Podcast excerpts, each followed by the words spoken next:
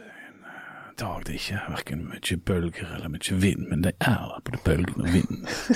Dunker, dunker mot skroget, som et hjerte mot brystgrinda. Det er en, det er en nådegave. Ja, det, er faktisk, det er faktisk det. Ja. At jeg er på en måte Frode Grytten. Mer enn Frode Grytten. Ja, ok. Hva hva er ditt navn? Eh, Hordalandske poeter.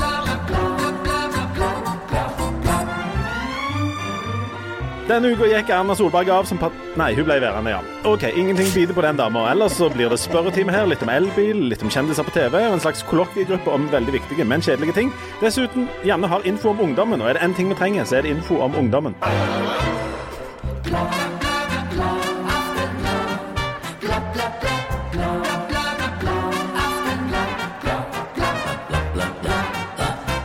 Du har info om Har jeg det? Ja, Ja, for du kom jo rett ifra eh, den konkurrerende podkasten NRK. stemmer. Og der har du vært oppe og snakket om noe om ungdommen. Ja, og jeg snakket òg med ungdommen. De var ganske Nei. unge, de som jeg snakket med. Å? Hvor ung, sikkert- ungdom var det? Var det tenåring, eller var det, Det preteen? det er vanskelig å Si vite. hvor gamle de er, ja. Det kan ha vært 14, kan ha vært 26. Nei, de er i hvert fall ikke 14. Å. Og de var heller ikke sånn De var ikke under 20. Eh, De var ikke under 20. kan de ha vært mellom 25 og 32? Er de ungdom da? Ja, Ja, de er er det det ikke det? Jo. Jeg syns alle under 40 er Ja, ungdom det er ungt. det tidspunktet. det er ja. Er, det, er det dette som heter unge voksne? ja, de var jo voksne. På- De, var jo, de hadde jo utdanning. De var jo, veldig, de var jo veldig capable. For på, på bedehuset på Hommersåk, der jeg vokste opp, der var det sånn at uh, veldig lenge så var jo ting delt mellom ungdom, og så når du var ferdig med det, så var du voksen. sant? Mm. Og så på et tidspunkt så oppsto det et behov for noe imellom der. Og da oppretta de dette Unge voksne. Og um, de Det som var en kategori eller et arrangement? Ja, be- begge deler. Oh, ja. De, de samles, for de ville ikke være blant med de ungdommen. Det var altfor høy m- musikk og bass og gospelkor og sånn. Jeg var ferdig med det. Men de var heller ikke sånn bare sette seg ned og liksom snakke om tvileren Thomas og, i, i et perspektiv og sånn. Så det det ble en sånn mellomkategori der. Og det som skjedde med den mellomkategorien, litt fritt fra hukommelsen, det var at den ble bare værende der. Så hvert år så steig liksom alderen på unge voksne med ett år, men det var ingen som slutta. Så til slutt var unge voksne sånn ja, blanding av Først var de gjerne 20 til 20 til 25, og så ble de 25-30, og nå tror jeg de er 45 til 50. Men- unge, voksne. For det er jo interessant, da, for jeg tenker I forrige uke var jeg med i Ryfylke, ja. som dere husker det? Jo, det husker jeg. Ja. Og da var det jo eh, På Sand så var det jo, skulle det være et arrangement med Gunnar Andersen. Nei, den heter fra Tre Bryst Busseruls. Ja, ja. Og da var det musikk for voksne. Men da følte ikke jeg at det arrangementet nødvendigvis var retta mot oss. Så da, der følte jeg voksne var en eufemisme for veldig, veldig gamle folk. Ja. Ja. hva er det oss, da? Nei, det var det jeg òg lurte på. At vi er unge voksne, da? På et slags vis. Ja, altså i, i, i den bedehuskategorien på Mosok, så tror jeg du er unge voksne. Men for å gjøre dette ytterligere komplisert Altså, mine, eh, mine foreldre er engasjert i sånn kirkegreier og sånt på Hommersåk, selvfølgelig. Og de er jo for gamle til unge voksne, men de er òg for gamle til å være vanlige voksne. Vet du hva kategori de er med i? Arrangement for nettopp unge eldre.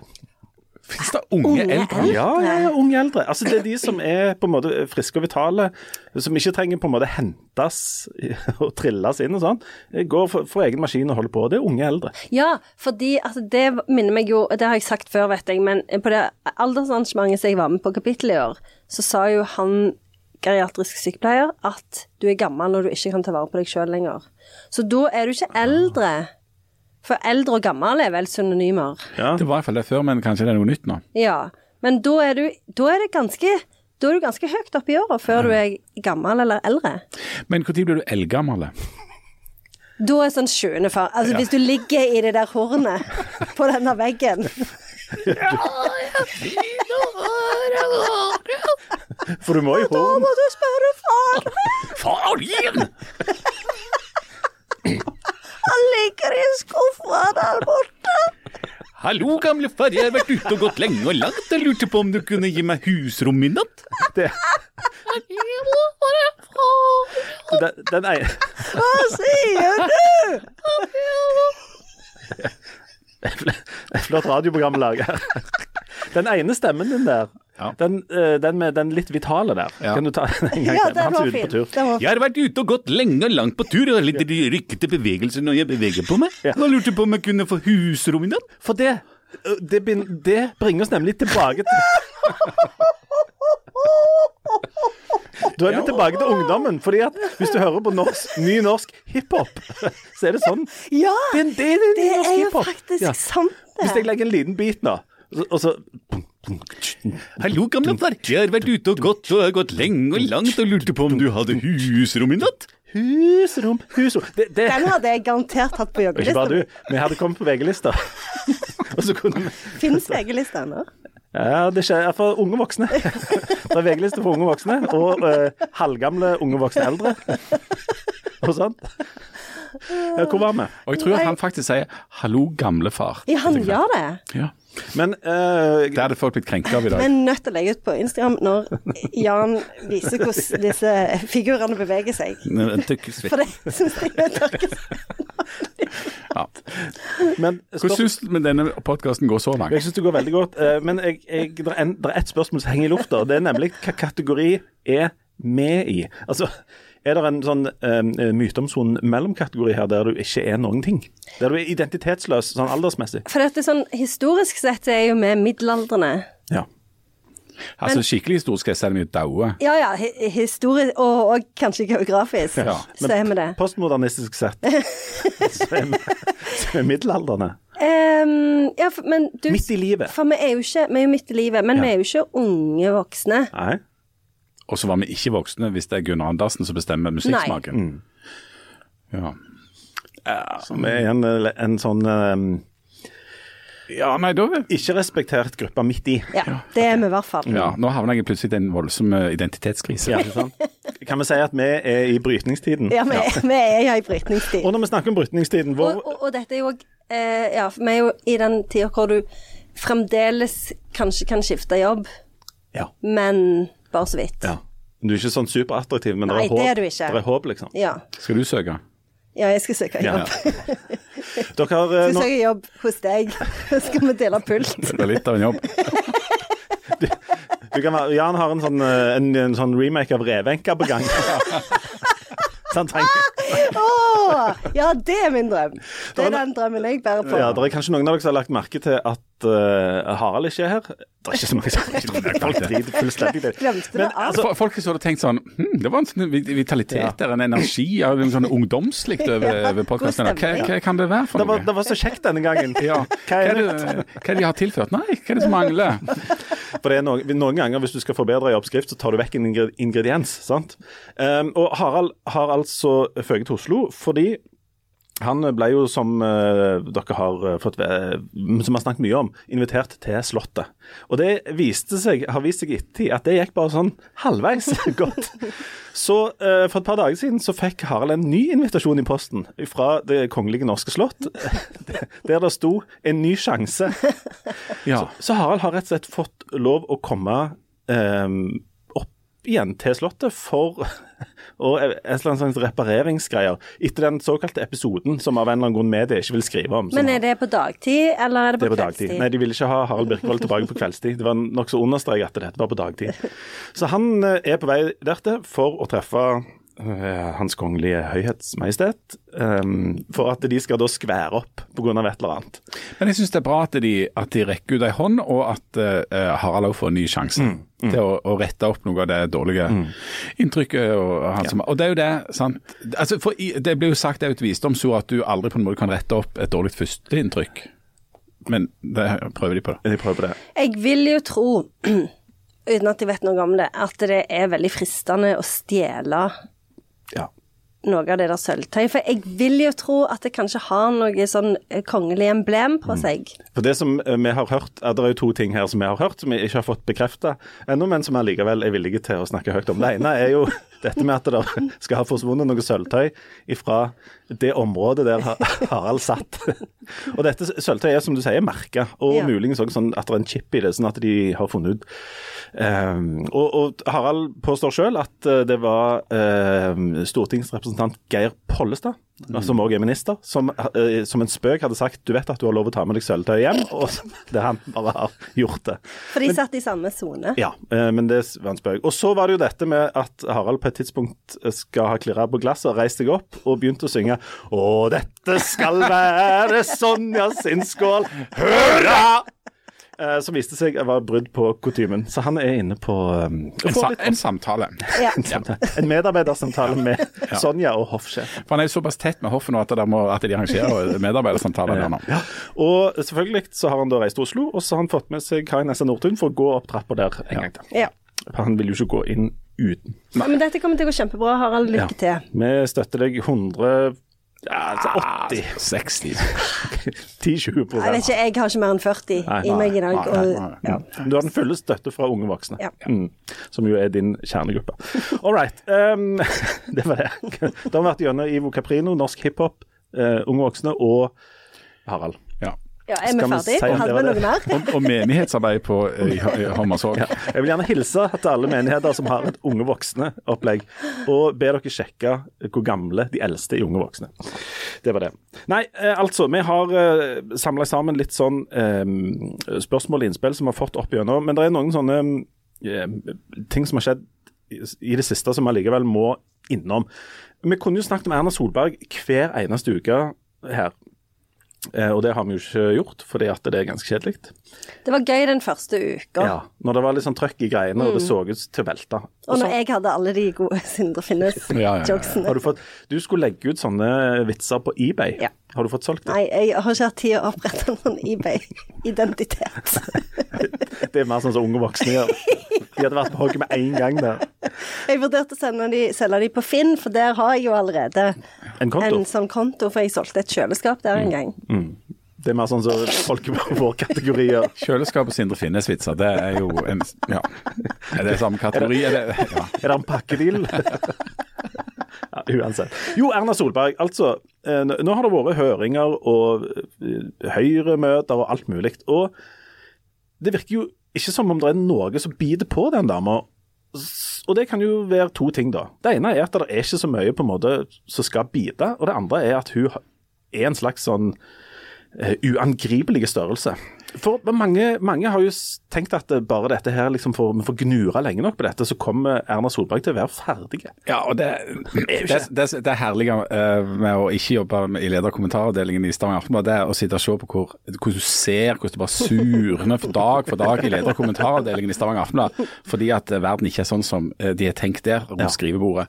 Sånn at eh, eh, Det som skjer nå, viser at det er, viser seg å være en enorm avstand mellom eh, kommentariatet i norske aviser, eh, masse sånn politiske kommentator som da er eksperter og forstår alt og vet både hvordan folket virker og hvordan politi, nei, politikken virker, og som nå i ukevis og månedsvis har spådd at dette kommer aldri Erna Solberg til å overleve politisk. Dette at mannen har handla med aksjer. Nå, altså, Det kommer til å bli felt, enten om det er rettssystemet eller kontroll- og justiskomiteen, eller iallfall Høyre, eller både ditt og datt. Og så viser det seg at eh, sånn er det jo ikke i det hele tatt. Um, politiet har lagt vekk, det er ikke, det ikke noe etterforskning, det er ikke ulovlig å handle med aksjer, og det er ikke noe, altså, det er ikke noe brudd på, det- på det straffegreiene. Eh, Kontroll- og og konstitusjonskomiteen hadde jo verdens lengste høring, der eh, Erna Solberg i perioder satt bare og fillerista de som spurte. Eh, For hun kunne alle detaljene og var ikke med på- på spørsmål engang.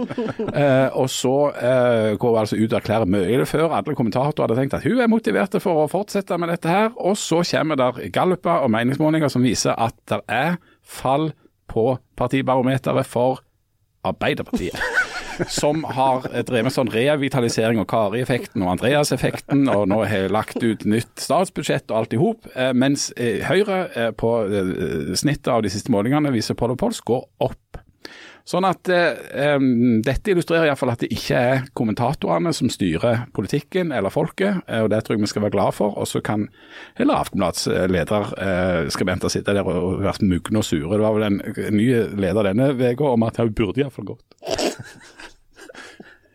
Du jobber jo i leder- og kommentaravdelingen, Leif Tor Linde. Ja, jeg, syns jo dette er veldig vanskelig å bli klok på. For, for det første så er det jo Jeg syns jo det er litt sånn blanda er blitt skrevet om hun, for hun blir jo òg hylla i alle bauger og kanter, særlig liksom i, i, i en del publikasjoner i Oslo, og det, her, her viser Erna sine storheter og sånt. Men jeg har, jeg har sett, Vi har jo sett sånne spiraler før med politikere, der, de på en måte, der det er et eller annet, og så spinner det og spinner og spinner, og så er det til slutt så blir det for mye. Og de fleste jeg tror Hvis, denne, hvis, denne, hvis dette hadde skjedd noen andre enn Erna Solberg, så tror jeg liksom sjansen for at de hadde vært ferdige, hadde vært mye, mye større. Så jeg er sikker på at dette må, det må handle om Erna Solberg spesielt. Altså at det er hun. At det er et eller annet med hun som gjør at dette at ingenting biter på. Helt på jordet? Hun, hun har jo vært leder i dårlige tider òg. Hun var jo leder i mange, mange år hvor eh, alle syntes hun var litt sånn middels. Og hun litt sånn jo, kjipe. Ja, litt sånn kjipe. Og hvis du tenker ja, hvem er alternativet da? Er det liksom er det Jan Tore Sanner? Han er jo ikke noen sånn samlende figur. Han er mer i unge eldre, er han ikke det? Han er jo unge eldre. Så jeg, så jeg tenker liksom at Og så er det jo tross alt ikke Erna Solberg sjøl som har drevet med denne aksjehandelen, og hun var jo ganske kvikk med å kaste eh, Sindre Finnes foran bussen. Er det en av vitsene dine? Ja, jeg, jeg prøver å komme på noen nye nå. så jeg kan selge en pakke.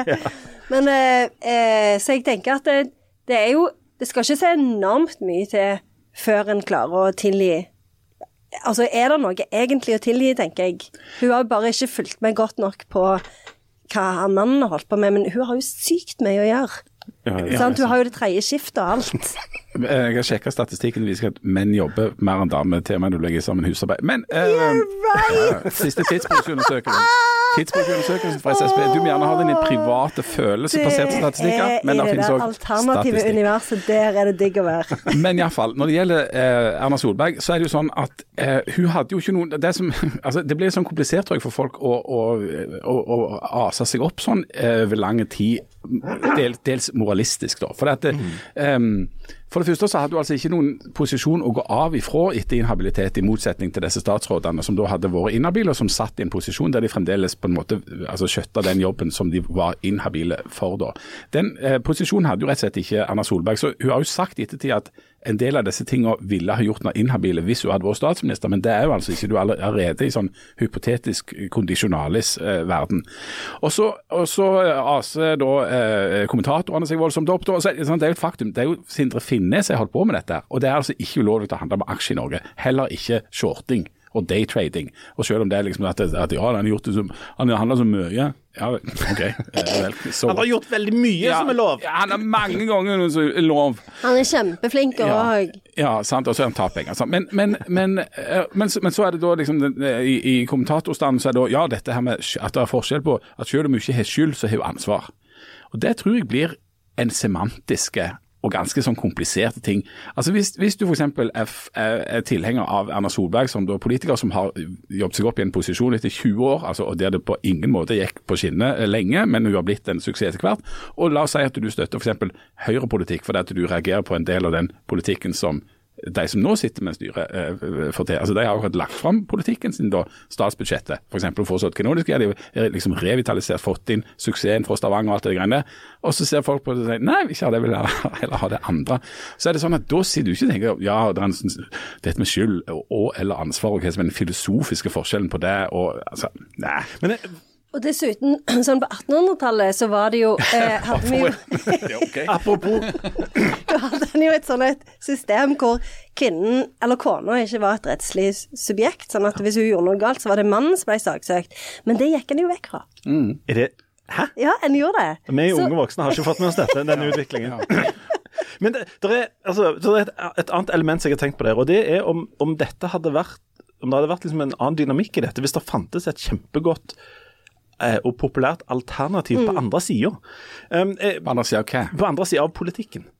Eh, altså, om Erna Solberg hadde slitt mer hvis, hvis på en måte eh, Jonas Gahr Støre var superpopulær, og folk så at nei, vi hiver Erna under bussen eh, her, og så kan vi bare gå til de andre. Men jeg hørte noen som snakket om dette i USA. Det var litt av eh, på en måte mystikken om hvorfor Trump var så enormt populær. Det var fordi at det var ikke altså, Hans motsats, altså Joe Biden, da. Han er heller ikke populær. Faren min! han, han henger jo i et sånn et horn på veggen, nærmest bokstavelig. Nei, men eh, altså Han ligger i den der skuffa. Du er så lykkelig i dag, Janne. Det er kjekt å se. Joe Biden ligger i den skuffa, ja. Ja, han ligger i den skuffa, og du drar ut den. Ja, ja Nei, you were men- saying Eh, altså, poenget var at, at hvis Hvis- Jonas Gahr Støre hadde hengt på veggen hvis, hvis folk hadde Han er jo den der han er- Han Husrom i natt. sju Han som kan gå sju, sju lange og sju Ja, breie ja. Nei, Han som fyker med vinden. Ja, han som fyker med vinden. Det er vanskelig. Når du først begynner på sånn Ivo Caprino-spor, så er det vanskelig. Og jeg har sju somre og sju vintre Om det er han samme som ikke har smakt matbiten på 100 år. Ja, ja, Han sier ja. det er stein. Nei, det er han, det er han kompisen, det. Ja, det. Er de Ja. Mm. Uh, Ja, ok, det var ja, nei, så Solberg og- har vi, har. Men eh, jeg så på um, i går eh, så var jo Trond Giske på TV. oh, for han er jo sånn Ja, hva er det han sier nå igjen? At Arbeiderpartiet har svikta arbeiderne. Og da er jo han for å lansere denne boka, så er han jo på et sånt et eh, seminarrom på et eller annet hotell i Trondheim. Og de som var i det rommet, De var ikke unge voksne. de var eldgamle. Er det unge eldre? Nei, de var i den der eldgamle Å, ja, ser du det? Ja, Folk som liker Gunnar Andersen. faktisk. Eller kanskje over det, faktisk. Musikk og dans for voksne? De er, de er way past musikk og dans for voksne. Og så, så det er jo ikke akkurat som de liksom Altså, det, hvem er det som liker Arbeiderpartiet nå? Ingen. Men eh, Trond Giske har, eh, han har klart å mobilisere eh, sånne horn på veggen. Er det, de, er det de som er liksom den nye maktbasen for å, å snakke om folk som er eh, delvis populære og delvis kjempeupopulære? Ja, men altså, ja, det er nok voksnere folk, ja, rett og slett. Og det er litt sånn eh, tilbakeskuende og drømmende og sånt. Men du var jo midt i et resonnement som du aldri Ja, fikk stemmer fullført, ja. om alternativ. Og når du snakker om alternativ der, i den siste gallupen som Respons hadde for VG, så sto det altså at 72 000 hadde gått fra Arbeiderpartiet til Høyre. Mens bare 5000 hadde gått fra Høyre til Arbeiderpartiet. Og dette er altså midt oppi denne eh, tillitskrisen og skandalen eh, eh, kommentatorene snakker om at eh, eksisterer rundt Erna Solberg. Sånn at det er rett og slett sånn at kartet eh, og, og terrenget, eller et eller annet mismatch mellom oppfattelse og det som er realiteter, iallfall på bakken, så det, kan det ja, se ut som. fordi folk oppfører seg ikke sånn som vi i avisen gjerne vil at de skal oppføre seg. Nå har vi fortalt dem hvordan ting henger sammen, og så oppfører de seg helt motsatt. Det er utrolig irriterende. Ja, og da er det jo folket som må skjerpe seg. Ja, ja. og Erna Solberg hun må bare gå av kjempefort nå. For det, Aftenbladet mener det på lederplass. Alternativet er at vi har feil, og det er ikke en, det er ikke en Nei, nei, nei. situasjon vi kan leve med. Nei, men altså, hun, hun eh, nå, nå er hun vel gjennom det, er hun ikke det? Erna Solberg. Jo, hun Jo er da, det nå. det er det. Ja. Jeg, jeg, jeg husker jo ikke hva som skjedde engang, nesten. For det, det skjer jo så mye hele tida. Og, og, og hun er jo Altså, du kommer ikke vekk fra at hun har lagd seg en sånn, et sånn et image av å være veldig solide fordi hun fikk oss gjennom coviden, på godt og vondt. Eh, og nå er verden et såpass ustabilt og interessant sted at, eh, at det føles, føles litt sånn tullete å gå imot det. Men det må være så frustrerende å være Arbeiderpartiet oppi dette her, da. Altså, igjen, så er det, altså Først så går de på den der smellen i, i lokalvalget, men ok, så retter ryggen og går videre, da. eh, Og, og så får du inn en masse nye folk i denne regjeringa og skal liksom revitalisere laget der. Skal legge, legge fram eh, forslag til statsbudsjett. Eh, der ser du jo da politikk i praksis. Hva er det vi faktisk vil for noe? Hva er svaret på det? Nei. Nei takk. Vi Ja. tror vi, Og så vi hjelper det sikkert heller ikke med den der makta. Den serien? Ja. ja. Nei, den, det er ikke sikkert at den uh, spiller på lag. Uh, Men vi skulle hatt Harald her nå som går arm i arm. Ja. Karin Kari Nessa Nordtun, bare for å sjekke dette med Karin Kari Nessa Nordtun-effekten. jeg har fått melding fra Harald. Ja. Skal, vi, skal vi lese det opp? Ah. Jo, kan jeg. Han skriver Herregud, Mette-Marit skal òg være med på møtet. Og da er det Oi, oi, oi! Da er det alvor. Jeg lurer på hva, hva slags fornærmelse han Ja. Det, det, vi har jo hørt at han snakket sørlandsk eh, han det? absolutt, absolutt hele kvelden, som en slags spøk. Jeg vet ikke om det var så veldig nei, men det var bare hver gang han henvendte seg til Mette-Marit. Som litt, var litt mange ganger, hørte jeg. Eh, At vanligvis så holder du deg på plassen, men, men Ja, han gikk bort Ja, han gikk han gikk bort, ja. Og dette skal uh, han Hakon Magnus ha reagert. Ja, ja. Og, og det, og det Mette-Marit hun syns jo det var litt sånn halvøy første gang, men så er det at Harald er ikke så god i kristiansandsdialekt. Nei. Det er det som er- Han er mer Mandal, eller Ja. Ja, ja, ja. og noen ganger sklir ut i Vennesla. Ja, ja. Syns ikke Mette- Marit syns ikke det var morsomt. Ja. Sånn er det. Det er en sånn generiske sørlandsk, det er ikke den spesifikke. Ja, for det er mer basert på sånn lille, eller så var det sånn rifla pommes frites og, Og litt sånn Sander Mentor i Farmen. Har dere, Ja. Ser dere Farmen? Nei, ikke nå. Og han snakker sånn sørlandsk mm, Med veldig Ja, det er men, mentor mm, mm, mm, Altså, mm, han har Veldig mye mm, Ja. mm i lyden. Jeg ser at dere har lagd et veldig fint gjerde. Mm. han, han er mer, Det er jo mer sånn Vennesla, er det ikke? Jeg tror det er noe Ja. inn- inngreier der. Men han, det skal sies til hans forsvar at han er nok en del av unge eldre. Sånn han Hvem er den? Heter han Ementor fornavnet? Jeg tror Han er eh, litt sånn som han tidligere lederen i FN, at han heter Mentor Mentor. Det høres så ut som vi bør ta en pause nå. Absolutt ta en pause. Hvor var vi? Nei, drit i. Vi tar en pause, og så tar vi, sjekker vi litt med Harald, og så er vi snart.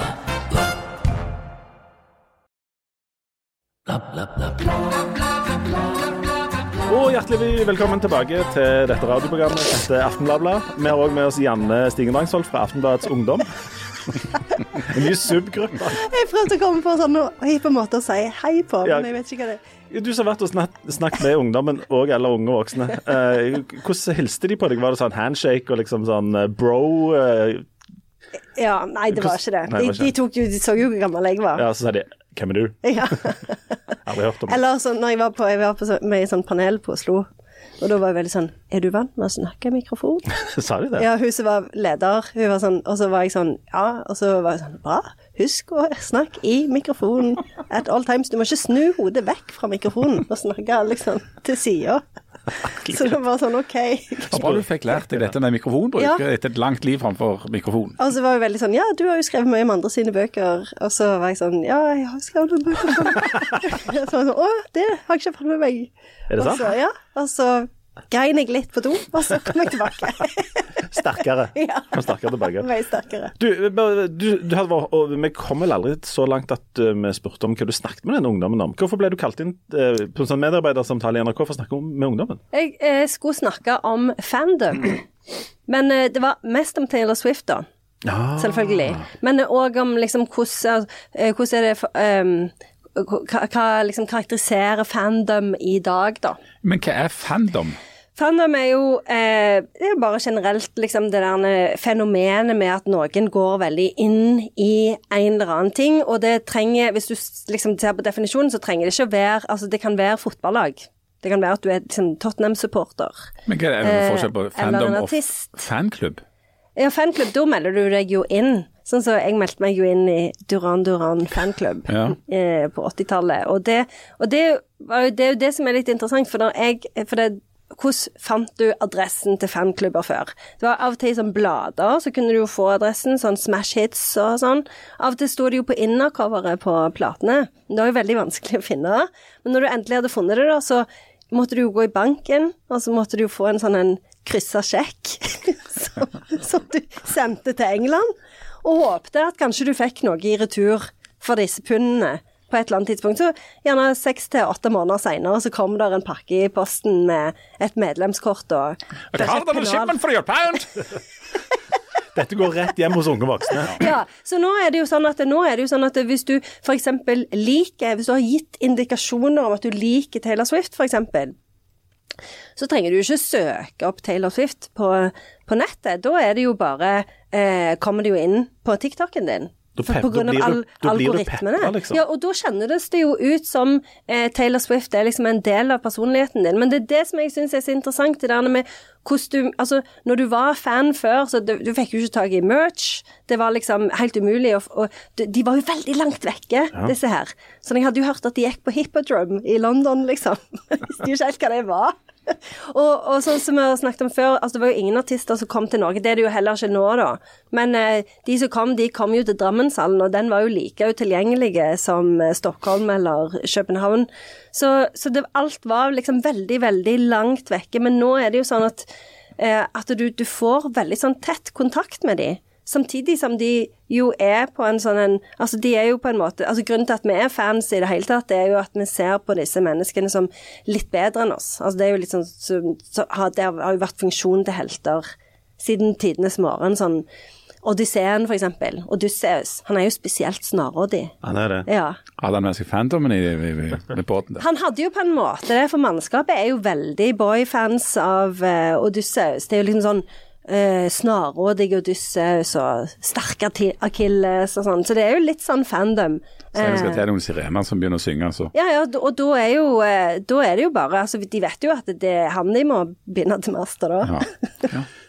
Men er det, mm, er det sånn at eh, disse artistene altså Tidligere så måtte du liksom, du måtte jobbe veldig hardt for det, da. For å være sånn skikkelig, skikkelig fan. Altså, du, måtte, du måtte sende brev til Starlet for å spørre om det var noen som hadde adressen til fanklubben til Duran Duran, og så fikk du svar i neste nummer, og så måtte du holde på sånn. Mens nå Og så måtte du følge veldig mye med på den andre sida til Erik Diesen i hjemmet. For der var det jo òg litt å hente. Igjen. Med, han òg var god deltaker Nå er vi mer over på unge eldre, tror jeg. De, to, de to første fandommene, eller de to første tingene jeg, jeg husker at jeg var fans av, eller fan av i entall um, Du var det, fans. Jeg var fans. det var, først var jeg voldsomt fan uh, av Elvis Presley. Og det, Bra du det spesifiserte hva At det ikke var en annen. Elvis, at det ikke var Sivle baklengs-Per. Men, um, og det ga seg utslag at jeg jo prøvde å få tak i, i noen plater da, Eh, så det var stor stas, noen LP-plater, og så var det dette med bilder og, og plakater og sånt, og det var det jo nesten ingenting av, og så var han jo strengt tatt død òg på det tidspunktet, så det var liksom... Det trekker jo ned. Det trekker litt ned. Men da satt jeg og klippet ut altså bitte små bilder fra hjemmet fra Erik Disens spalte, eller bitte, bitte små bilder fra liksom, aviser, da, i den, hvis det en sjelden gang var noe.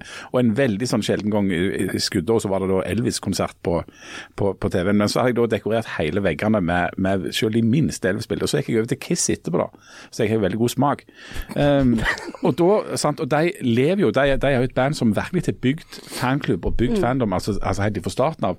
Så det er et av de mest merch-sterke bandene som finnes da, og med det visuelle uttrykket. Og det ga, kunne også gi seg da utslag altså for det første så skaffet jeg meg jo alle platene, men i tillegg så drev jeg da malte meg i trynet, sånn som de så ut. Og da ligner du jo på fandoms sånn som du ser de i dag, f.eks. på på det som er et relativt, eller sånn fenomen som, som dattera mi går på, da, som er eh, ungdom. Eh, på cons, altså conventions. Eh, og Det, de har det også begynt å, å komme her i Stavanger-traktene. Der altså, der kommer reisende en masse folk som har interesser for tegneserier, eller for å kle seg ut som noe, eller for dataspill, altså en masse sånne ting. Hvis du går inn på de greiene der, så er det sånne subkulturer som du ikke drømte om at eksisterte. For der går folk rundt i noen kostymer kledd seg ut som en eller annen perifer karakter i et eller annet dataspill. Og de som er inni dette, de kan jo alle de kodene og forstår absolutt alt av det. Og det er liksom sterkt bånd der, men for å står utenfor, ser det, ser det litt rart ut. Ja, og det er også så interessant, fordi at en, en, klarer liksom, altså, en klarer å finne fram til disse folka mye lettere enn før. For sånn så, for, Foreldrene mine hadde jo en eh, eh, en stund en avdeling i butikken hvor vi hadde sånn rollespill og datamaskiner og tegneserier og sånn. Eh, og da var det jo sånn at da var det jo mange som samles der, da. For dette, hvordan skal du ellers liksom komme i kontakt med disse? Sånn så da hang du liksom i butikken. Men nå, nå er det jo mye lettere å, å, å få tak i andre, andre, finne fram til andre og få informasjon. Så, så det er liksom Du har en helt annen Altså, for det første så, så er jo ikke ting er tilgjengelige på en helt annen måte, og du trenger gjerne ikke heller gå via en sånn middelperson. Eh, hvis det er eksempel eh, en forfatter, eller så kan du følge de på på Instagram eller hva som helst, og så kommuniserer de direkte til deg. Så det blir liksom en helt annen form for tilgang, da.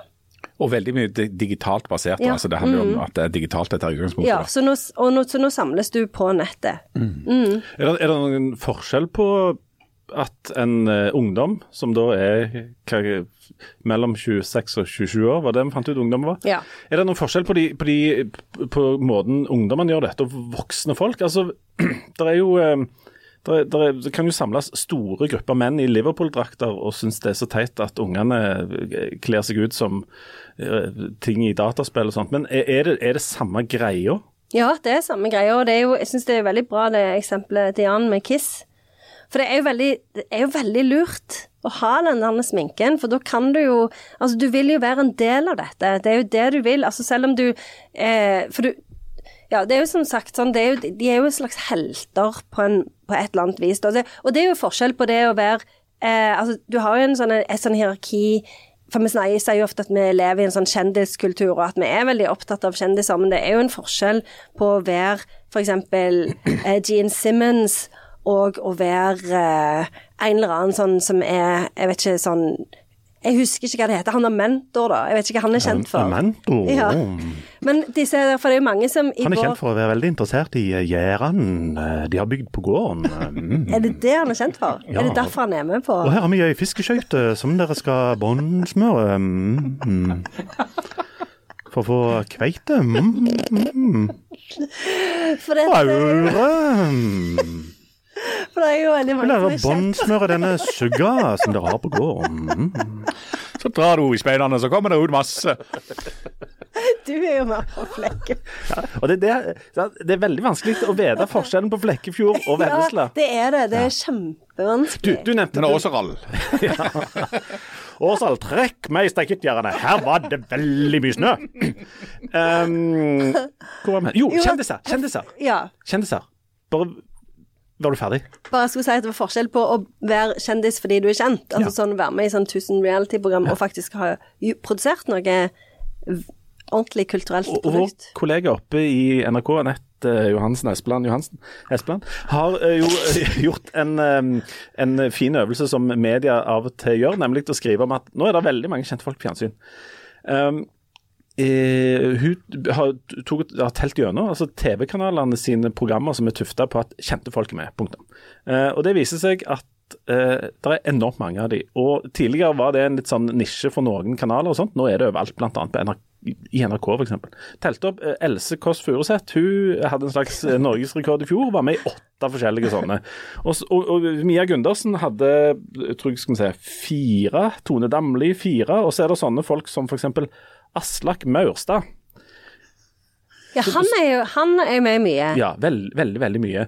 Og, og det er jo en Jeg vil anta at det er en grunn til at alle disse kjendisene er med i disse programmene. At programskapere lager programmer som bare handler om kjendiser. Og så går vi rundt og sier at å, det, jeg orker ikke se på de der kjendisene.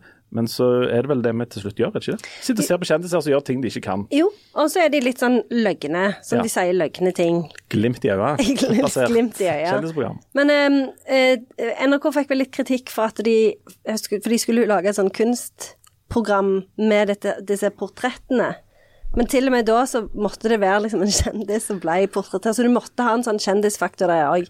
Det er jo et problem, da. Altså, det er jo et problem hvis, hvis alt blir bare det, det For det er jo fjas. Det er jo veldig, veldig fjasete. Jeg, jeg, altså jeg er rett og slett blitt lei. Jeg ser ikke på det lenger. Jeg gidder ikke. Nei. Eh, og jeg ble jo sur av for det, at dette, er jo, dette forsterker jo bare den der Oslo-sentrismen òg. For det, at Mm. det, jo, det hadde jo kosta å få penger inn for noen andre plasser. Så hvis du ikke bor i Oslo, så, så, så går jo ikke det. Så derfor er det bare de samme hele tida. Og jeg er så lei. Jeg orker det ikke mer. Dette portrettmesterskapet som jeg heller ikke har orka se ett sekund av, det var jo, er jo en slags sånn eh, NRK sin måte å lage sånn eh, kultur- og kunstprogram. sant? Men det er ikke en kjeft som husker hvem som har malt de der bildene. De husker bare de folka som har sittet og liksom vært modeller for det. Ja, det Så uansett hva dette, og om det er menn og kjendisfarmen, og de er sånn, det, Til slutt handler det bare om de folka som er kjent. Det handler, det, det, altså, når du har kjendiser med, så kan det ikke handle noe, om noe annet enn disse folka som er kjent. Og jeg er helt enig, men det er fordi at vi er i ferd med å gå inn i unge Unge voksne. Eldgamle. Ja, det er at vi er på vei mot Ja, eldgamle. ja, ja. Horn på veggen som står og sier sånn Nei.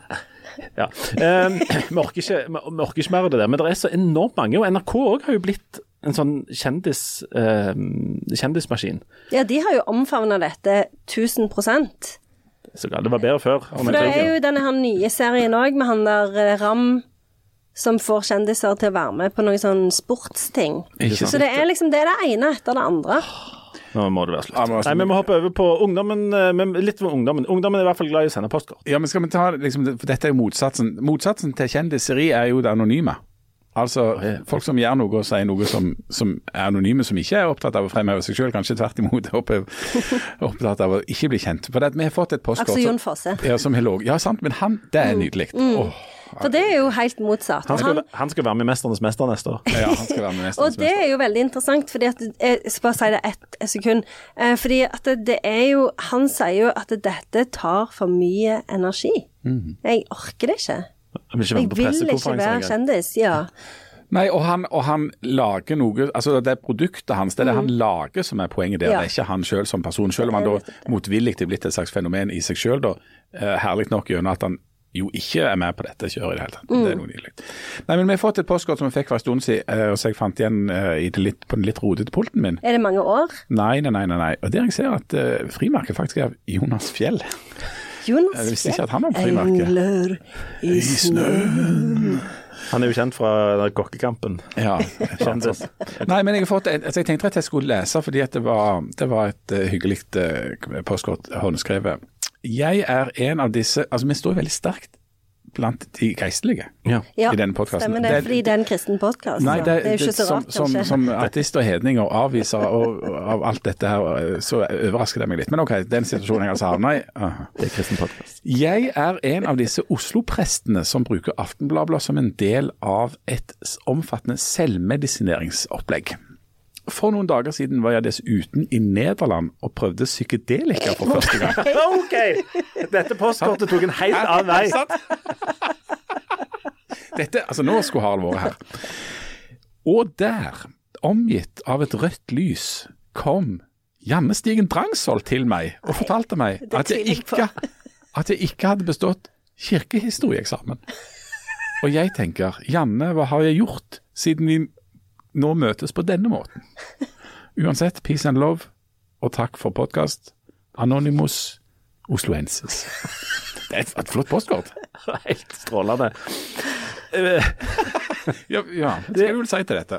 Nei, ehm, eh, for det første så syns jeg jo denne trenden, som jeg regner med det er, at prester fra østlandsområdet reiser til Amsterdam, plasser der det er veldig mye rødt lys og prøver psykedelia. Det syns jeg er en spennende utvikling for kirken, den norske.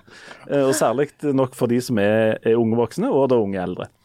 Eh, ellers så Vanligvis når du begynner å lese postkort, så tror du kanskje at du vet hvor, hvor det ender. Ja, den, og, den, og det skal dette postkortet ha. Dette tok en helt annen retning. Jeg er jo veldig redd for narkotika. Ja.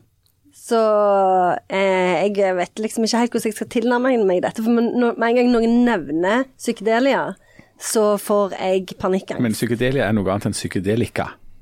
Å ja. ja. Psykedelia er mer en sånn en kunstform. Ja, psykedelika Men var er det det det, som var det, det han, han hadde, hadde sett? Hadde han sett på psykedelia? Han hadde prøvd psykedelika Ja, for første gang. Ja.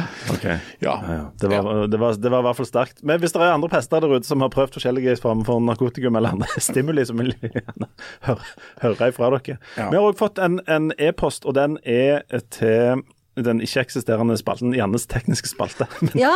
Vi ha, har vi hatt den? Jeg trodde det var en sånn medisinspalte. ja, den spalten forandrer jo litt karakter, alt Ja. etter hva som er i vinden. Og det som er i vinden nå, det er jo dette med Det teknologi. etterskruing av uh, mutter oh, og ja, bolter og det. forskjellig.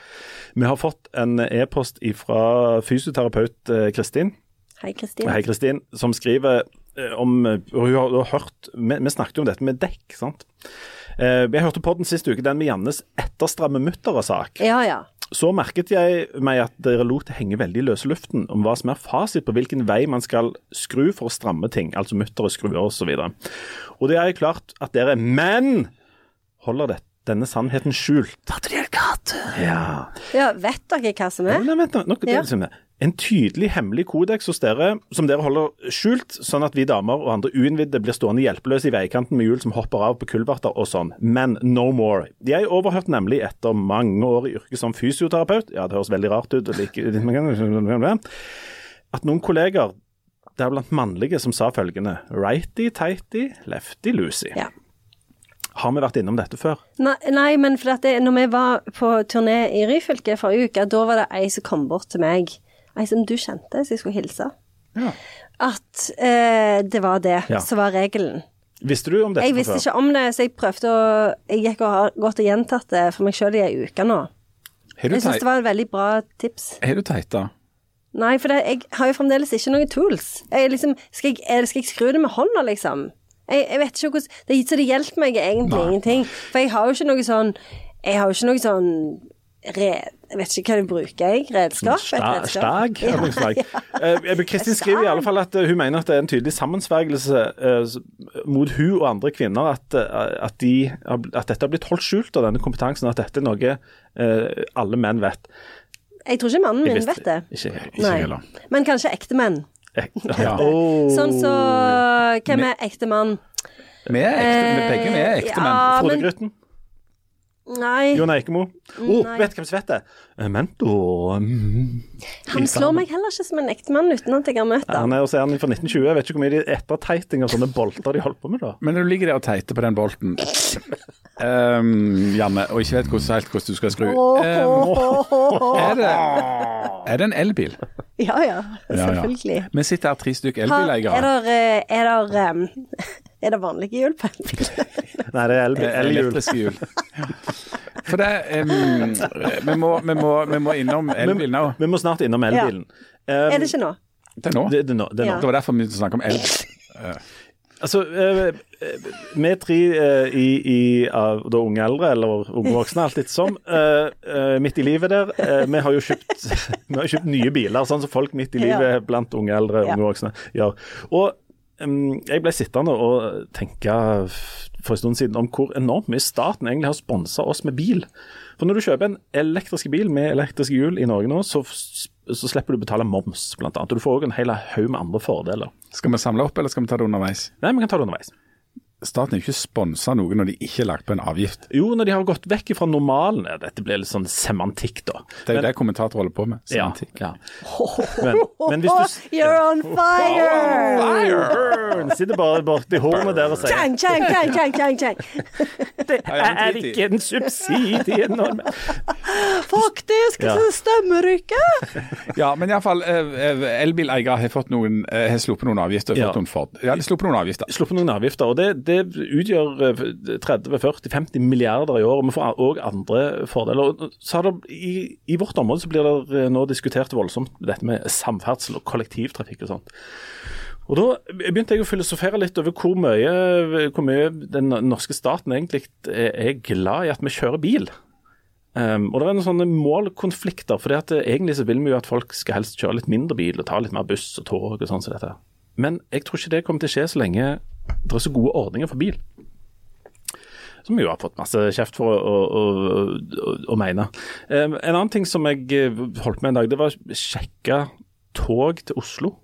Har dere tatt tog til Oslo? Det er helt grusomt. Ja, sant? Det går aldri. Eh, det koster masse penger og tar enormt lang tid. Og så er det stort sett alltid sånn buss for tog. Ja, alltid buss for tog. Ja. Og da, Konklusjonen min var at um, i dette landet så snakker vi veldig mye om sånn miljø og satser på kollektiv og sånt, men egentlig satser vi egentlig noe særlig på kollektiv? Nei, vi gjør vel ikke det. Nei. Vi satser på bil. At alle vi skal kjøre rundt i hver sin bil. Og så er det mulig at det er greit, men der er, jeg mener at det er et sånn misforhold mellom hva vi sier vi skal satse på, og hva vi faktisk gjør. Altså Staten sponser jo ikke altså, andre ting like mye, så, det, så de sponser da privatbil. Gjør de det? Men de sponser jo det de sponser av en grunn. Så Ja. altså Grunnen til at det ikke er moms på elbiler, og at uh, en slipper en del avgifter på elbil, er jo det grønne skiftet. Det er jo rett og slett at en vil jo ha uh, biltrafikken, som det finnes mye av i Norge, ifra å være basert på fossilt brensel til å være eh, på, gå på elektrisitet, som altså er fornybart. Sånn at det ligger et politisk mål der da. Og så, ehm, så, så, så, så det og Der kan en sikkert være enig eller uenig. Jeg er nå enig. Jeg synes, altså, Det høres ut som en god idé. eh, Og det er bra at Norge eh, er såpass høy, er så elektrifisert og så, Absolutt, helt så, enig. så mye elbiler. ja. Ja. Ja. Så, men, men så er det jo disse paradokser. da, for dette, da er det sånn at, ja, som du er inne på, at Hvis du vil ha ned biltrafikken, så er det jo rart å bygge eh, nyere og finere veier eh, og altså sånne ting. og gi eh, folk, liksom bidra til at folk eh, kan kjøpe bil da, på et vis. Og Det som jo begynner å bli litt sånn akutt akkurat for vårt område og for flere sikkert byer eh, rundt omkring, det er at eh, staten har også gitt noen insentiv til å, få ned biltrafikken som, som går på kommunen, da, eller på området her. At Hvis vi får ned biltrafikken, eller at den iallfall ikke øker i forhold til 2017, så kommer det til å komme mange milliarder hit. 2,8 milliarder er det vel til, til Stavanger-regionen, som da kan brukes på sykkelstier og kollektivtrafikk og alt det greiene der. Og så har jo det eh, forunderlige skjedd at eh, biltrafikken her går jo opp. Ikke minst interessant, eh, jeg så på en på denne grafen hvor de virkelig begynner å peke oppover. Eh, du, eh, Leif Tore, dere som leier rundt på Karinese Nordtun er så kjempeglad i at eh, denne gratis busstiltaket som kom eh, før sommeren, der vi brukte opp 200 millioner på at folk skulle kjøre med gratis med buss, det fikk ikke ned biltrafikken i det hele tatt. Eh, det, fikk noen, det fikk litt opp i de som tok kollektivtrafikk, men det var framfor alt syklister. Men, eh, men, men det er altså noen sånn Det er noe som ikke virker der, og som, som, er, som, som blir ganske eh, komplisert. Eh, og ganske dyrt hvis vi ikke får ned den biltrafikken. Og Da er det jo det som, som du for så vidt er inne på, altså at en kunne brukt de pengene på en annen måte, men som òg har blitt diskutert litt sånn i, i artiklene våre da, og, og på, på lederplasser òg. Altså, om det må inn noe sånn skikkelig upopulære, noe drit. altså virkelig fæle ting for at folk skal sette den bilen på plass. Da er det ingen som vil stemme på de folka som Nei, og det, og det er kjempevanskelig. Men, men og, og vi, har, vi, har, jo eh, Det er jo liksom poenget i forlengelsen av dette, at det er altså vi får, eh, vi, vi får enten sånn direkte eller indirekte støtte for å kjøpe disse bilene, men de vil gjerne at vi helst ikke skal bruke de og sånn. Og akkurat når det gjelder bil, så vet vi jo veldig godt hva det er som virker for å få oss til å slutte. Det er at det blir kjempedyrt. F.eks. Hvis, hvis bensin hadde kosta 50 kroner, så hadde vi brukt mindre bensin. Ja. Um, hvis bilene hadde vært dyrere, så hadde vi sannsynligvis kjøpt på en måte færre biler. Uh, men det er helt umulig å få disse tingene til, fordi at du blir så enormt upopulær av det. Fordi at det, det liksom, minste felles multiplum i, i, Norge er at vi har en bil. Og da, er, da står vi der, så får vi ikke gjort noen ting. Keep on keeping on. Og så er det sånn, som, som uh, stolt elbileier gjennom egentlig ganske mange år nå, så, så altså, det har vært en fordel for meg selvsagt at uh, det ikke var moms på dette, sånn at, bilene, at du fikk på en måte mer bil for, for pengene. Det har vært en fordel at vi kunne kjøre gjennom bomringen da, altså, til en reduserte pris. altså Det har vært masse fordeler med det. Men jeg mener jo at jeg hadde hatt råd til å betale mer. og at og, og, altså Jeg er åpen for og det, det, Når det kom opp på en viss sånn andel eh, elbiler, som en jo har kommet opp på nå, så mener jeg jo at det, bør være eh, innenfor å begynne å snakke om at noe av det kan tas vekk. Altså, he, Det er en bil. Vi sliter på veiene, vi kjører gjennom de samme bommene.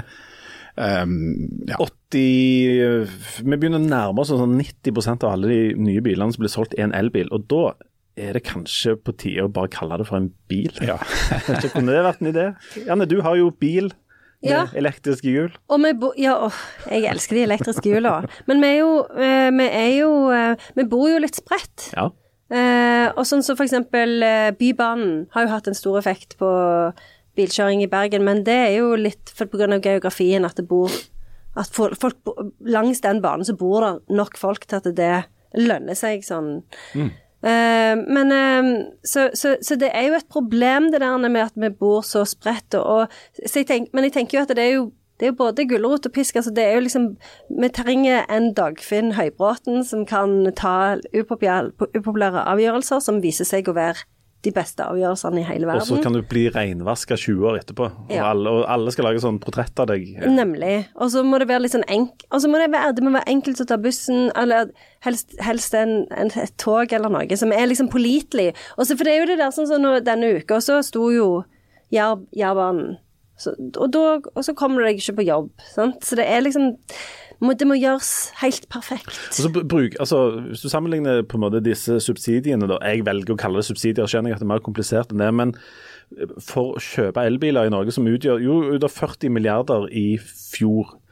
Um, og sånn billetter til kollektivtrafikk sponser norske staten tror jeg med 12-13 milliarder eller noe sånt. Så det er på en måte det er mer gulrøtter egentlig for å kjøre bil.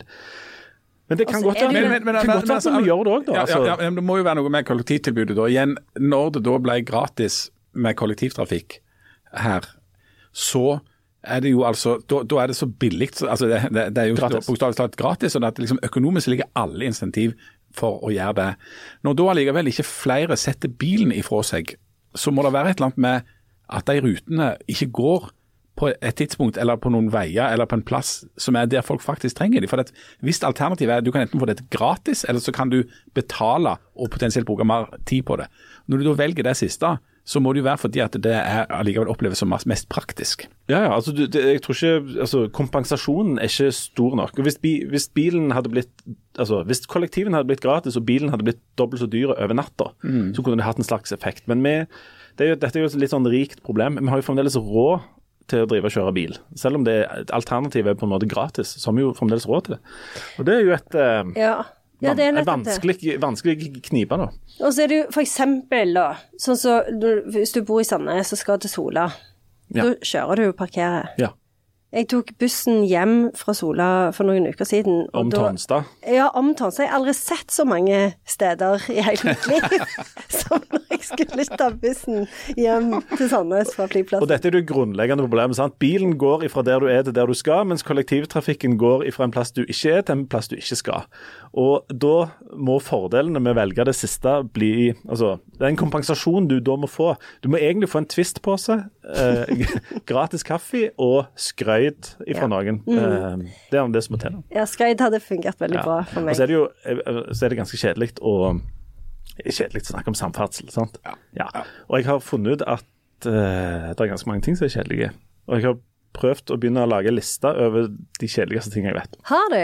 Skal vi, lage, skal vi ha en sånn serie i denne podkasten? Nei. Lage så kjedelig? Eh, Er det topp fem, eller Jeg, jeg tenkte vi, vi må ha en liten kollokviegruppe, og dette, dette skal helst handle om ting som egentlig er litt viktige, men som du tenker at jeg er så lei av dette greiene her nå. Jeg òg har en ting Har som du jeg noe? Mm. Vil du begynne? Jeg har bare én ting, da. Ja, OK. Pensjon. Eller sånn pensjonssparing. Veldig, veldig, Ja. veldig sant.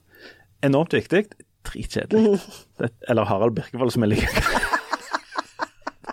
Ja, er dette, dette er et forsøk på å imøtekomme de fansene som er liksom sånn Hvor ble det av Harald sine. Ja. Tre kjedelige minutter, egentlig? Skal ikke han eh, Kjartan Birkevold si noe veldig kjedelig? Nei, men jeg har noen sånne ting. Og nå, det, nå er vi i kollokviegruppa, da. Um, du nevnte pensjon. Veldig bra. Jeg har en annen. Um, okay. Mangfold og inkludering i norsk film. Åh, det. Don't get me started. Jeg skjønner at det er viktig. Jeg er så lei er av å være på. Det er så kjedelig. Uh, Jeg tror egentlig jeg er lei av det sånn. Ja, nei, nei. Pluss bare gjør det, sånn som i makt, da. Ikke snakk så mye om det. ok, jeg har en. Sosial bærekraft. Åh. Jeg, oi, oi, oi. Jeg skjønner at dette er kjempeviktig. Det er veldig, veldig kjedelig. Eh, et par til. Transdebatt. Viktig, veldig kjedelig. Eh, der kan vi òg hive inn denne woke-debatten. Er vi lei av den? Nei, den er ikke så Jeg er ikke lei den. Syns den er litt gøy. Ganske lei av det. OK. Um, um, skjerm i skolen. Fuck me in the face. Faktisk ikke. Kan ikke si det, selv om vi har prester oh, på psykedelika, så vil de reagere på det. Um, en, gammel, en gammel hit. Eh, dette er ikke så viktig, men jeg, synes, eh, jeg er fryktelig lei av det. Reportasjer om sånne urbane folk som finner et småbruk på landet og reiser vekk fra storbyen som har så kjæreste og finner lykken. Men det, Det er ikke det er jo bare det, uh, For det, alle disse tingene har til felles at de er liksom, sånn som du sier, de er viktige. Men de suger liksom livskraften ut av deg. Ja. Men de der som bor på det der småbruket, de er jo bare sånn Herlige. Men jeg har en, en annen hit òg, Ja. sånn, som jeg egentlig har sympati for, men jeg er bare litt lei av. Det er eh, Hva skal jeg si eh, Nokså tjukke folk som begynner å trene og finne lykken og blir med på maraton. Det syns jeg er gøy. Nei, det er Jeg synes kjedelig. det er kjedelig. Nei. Da er jeg liksom sånn Å, heia, heia. generelt folk som av en eller annen grunn begynner å gå i skog og mark. Ja. Jeg synes det er er veldig, veldig, veldig, veldig, veldig kjedelig. Bare gå, eller bare spring. Ikke snakk om det. Um, var det flere? Eh, jo. Alt som egentlig har med Riksrevisjonen å det er veldig kjedelig. Riksrevisjonen har funnet et eller annet. Men det er jo det som er jobben deres. De må jo alltid finne det. Er derfor de er Riksrevisjon. Uh, en, en liten uh, lokale hit, fordi at jeg skal skrive noe om det. Diskusjonen om parlamentarisme kontra formannskapsmodellen. Don't get me started. Og den vinner. Den er kjedelig. Og så har jeg en annen ting som jeg bare og Nå begynner vi definitivt å gå mot slutten her, men det er en ting jeg bare har blitt veldig lei av på veldig, veldig kort tid. Og det er reklame for erotisk julekalender. Jeg ble lei av den. Hæ? Reklame for erotisk Finnes det? Har du, har du, vært på, på internett de siste Jeg er to jo bare på Instagram, og der får jeg enten opp Taylor Swift eller Diana. Okay, så for, Men du er ikke på VG eller Aftenblad eller BT eller Aftenposten? jeg er på? Aftenbladet, men jeg har ikke fått noen ikke sånn eh, eh, erotisk kalender. Ja, for hver Kan du få én ting, da? Det- Folk, Hver dag. for hver, før, verden er et sykt ja, sykt før, hver, altså, før jul hvert år så dukker det opp eh, reklame for den erotiske julekalenderen. Den koster enormt mye penger, og så er det 24 luker med det som jeg antar er diverse inni denne her. Og jeg leste en plass at de blir utsolgt noe så voldsomt. Det er en Hvor mange, enorm hvor mange sånne kalendere lager de, da? Det vet ikke jeg, men eh, nok til at de har råd til å annonsere noe voldsomt og treffe voldsomt mye folk, men tydeligvis ikke deg. Så jeg vet ikke du har liksom klikket på før, men uh... Eller hva jeg har klikket på, for det er jo litt sånn custom made. Altså, du får jo den reklamen. Det er jo en en du- Ja, nemlig. Men, uh, og i en av disse reklamene husker jeg så sto det at uh, det, det er jo så flott i adventstida, for her, her du skulle åpne ei luke, så fikk du en, en ny artig liten overraskelse som du kunne ha hver dag. Så tenkte jeg what?!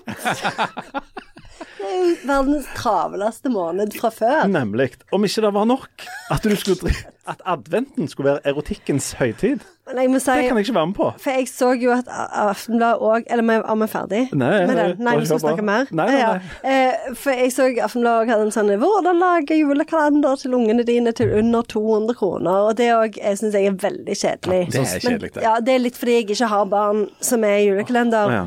Eh, alder. Men Og så er det òg det der Altså så jeg et eksempel. Hva kan du gjøre? I dag skal vi i svømmehallen. Altså liksom sånn Jo, jo. Men du har jo ganske mye å gjøre. Du kan liksom ikke ha en sånn en fricking aktivitet hver bidige dag i desember. Det er jo samme, altså Konseptet minner jo om den erotiske julekalenderen. Ja, det gjør jo det. Ja, du- Så hvis du både skal ha erotisk julekalender og så, bland, og så blander de to. Så, ja, Vi er faktisk nødt til å slå to ting sammen her. Møtes i garderoben på svømmehallen og ta med denne artige Ja, lille saken. Men da, da, da er du over på noe av det sånn, sånn som er viktig, men som virkelig kjeder meg. og Det er jo at det skal være, når det skal være sånn eh, bærekraftig og koselig og ikke koste noen ting. Ja. Altså, eller kjedelig, som det da heter. Sånn Å ja, nå skal du slutte med det materielle jag og, og erotiske julekalender og sånn med sjokolade eller øl eller noe sånt. Og nå skal, nå skal vi bare være sammen, og så skal vi sitte og lage trolldeig eller gå en tur i skogen. Yeah, right. Så jeg hadde kommet til å foreslått det, så hadde jeg jo bare blitt nei. Har du blitt kjeppjaga? Ja, jeg hadde jo hata det sjøl i tillegg, da. Men hvis du måtte ha enten en sånn en litt sånn Steinerskoleaktig sånn konglekalender der du skulle på en måte ut og se på Bjerke og Osp, eller en erotisk julekalender som du var nødt til å gjennomføre, hvilken kalender hadde du da? Julekalender. Hæ? Ingen tvil. Julekalender Hva det? Hva det? Sånn Steinerskole? Nei, nei er, altså, altså takker meg til altså, all verdens instrument. eh, I- erotisk? I det erotiske framfor å gå ut og se på OSP på en, uh, på en eh, Steinerskoleaktig uh, variant. Er, ja. Det er jo pest eller kolera, dette. Jeg skjønner det. Jeg har jo hatt den der Bjerke og Osp i alle år. ja, da blir det erotisk på deg i år. Og så hvert år så var det sånn Jeg glemte jo alltid å skrive ned hvor tid jeg hadde planlagt disse ulike aktivitetene. Så hver morgen så var det liksom sånn panikkangst. Er det i dag vi skal i svømmehallen, liksom? mamma, mamma, vi skal til optikeren! Ja, og ingen av ungene savna det. Alle bare gikk rundt og håpte du hadde glemt det. Men du har prøvd dette, altså? Ja, ja, ja. Men jeg, jeg måtte jo ha litt sånn eh, balanse da mellom Det er jo Du kan jo ikke kjøpe liksom en gave hver dag Men i du kan bare desember. drite i det. Ja, ja. Jeg, jeg gjør jo ikke det nå, da. Nå er jeg jo Men, så nå, men, nå, men jeg, ja, jeg har faktisk Jeg har bestilt julekort. Å ja. Ja. Hva holder du på med det ennå, du Ja, ja, selvfølgelig. Hæ? Men så Det har vi slutta med for mange år Jeg siden. vet ikke. jeg- Erotisk julekort eller vanlig julekort eller Du, Steinerskole du skal julekort? lage julekort. Jeg, eh, den panikken er ikke kommet helt ennå, men vi har, eh, vi har rotet oss litt eh, Vi har pleid å rote oss inn i det, ja. Ja. ja. Og du Jeg forventer julekort fra deg òg. ja. Ja. Jeg ville ikke holdt pusten hvis jeg var deg. Det er faktisk ei av lukene i den, er erotiske julekalenderen. Jeg hadde en nesten erotisk joke. Ja, det det. Kom igjen. Verdensdag, det var det, var det du det sa. Du kunne jo kombinert disse to kalenderne med Her er det ei konglekone. Det blir spennende i dag. Å ja, men det er jo det beste, ja. Erotisk julekalender som ikke koster noe, som du lager fra ting fra naturen. Som du er ute Som en naturist, da. Men det blir vel mest Altså, det er vel kongler som det går Det blir veldig mye kongle og kvist. Det er farlig. En erotisk julekalender fra kreativ sone. Ja, ja. I trolldeig. Ja. I, dag Å, nå ble det mye ja. tankekjør. I dag skal vi til optikeren. Prikk, prikk, prikk. Skal vi gå en tur? Hvis, hør, hvis det er noen av dere som har Hvis det er noen av dere som har prøvd den erotiske julekalenderen, så vil vi gjerne høre fra dere. Dere skal få lov å. Jo, det vil vi. Eller hvis noen har lagd en erotisk julekalender sjøl, så vil vi gjerne høre fra dere. F.eks. han presten som var i, Amsterdam der. Jeg vil ikke det. Jeg vil høre hans julekalender. Send oss en e-post på bladblad.no. Du skal få lov, Vi skal garantere anonymitet hvis det er noen som kan fortelle oss om den erotiske julekalenderen eller andre Ja, julekalendere. ja, absolutt. Og da tror jeg vi må gi oss. Det tror jeg vi bør. Jeg, tror, Ja, det høres ut som vi må det. jeg har faktisk en julekalender som jeg må ha. Ferdig. Ha det. Ha det! Det er, det, det er jo den drømmen vi bærer på. Ja, Stemmer det. Å komme nærere sin egen lyd. Og sitte der i det lydlige i rommet. Kjenne luftbølgene vibrere mot trommehinna og hammeren og Det er Frode Grytten, men dog litt Jon Eikemo. Ja. Det er faktisk Ja. Hvis det hadde vært Frode Grytten, så hadde det vært mer kontant. ja, det hadde det. En hadde kjent lyden mot trommehinna, han kjente basstromma spille mot magen. Skulle han danse? Nei, han skulle ikke danse. Han sto stille som en 44 år gammel mann uten retning, uten mål. Hvorfor sto han?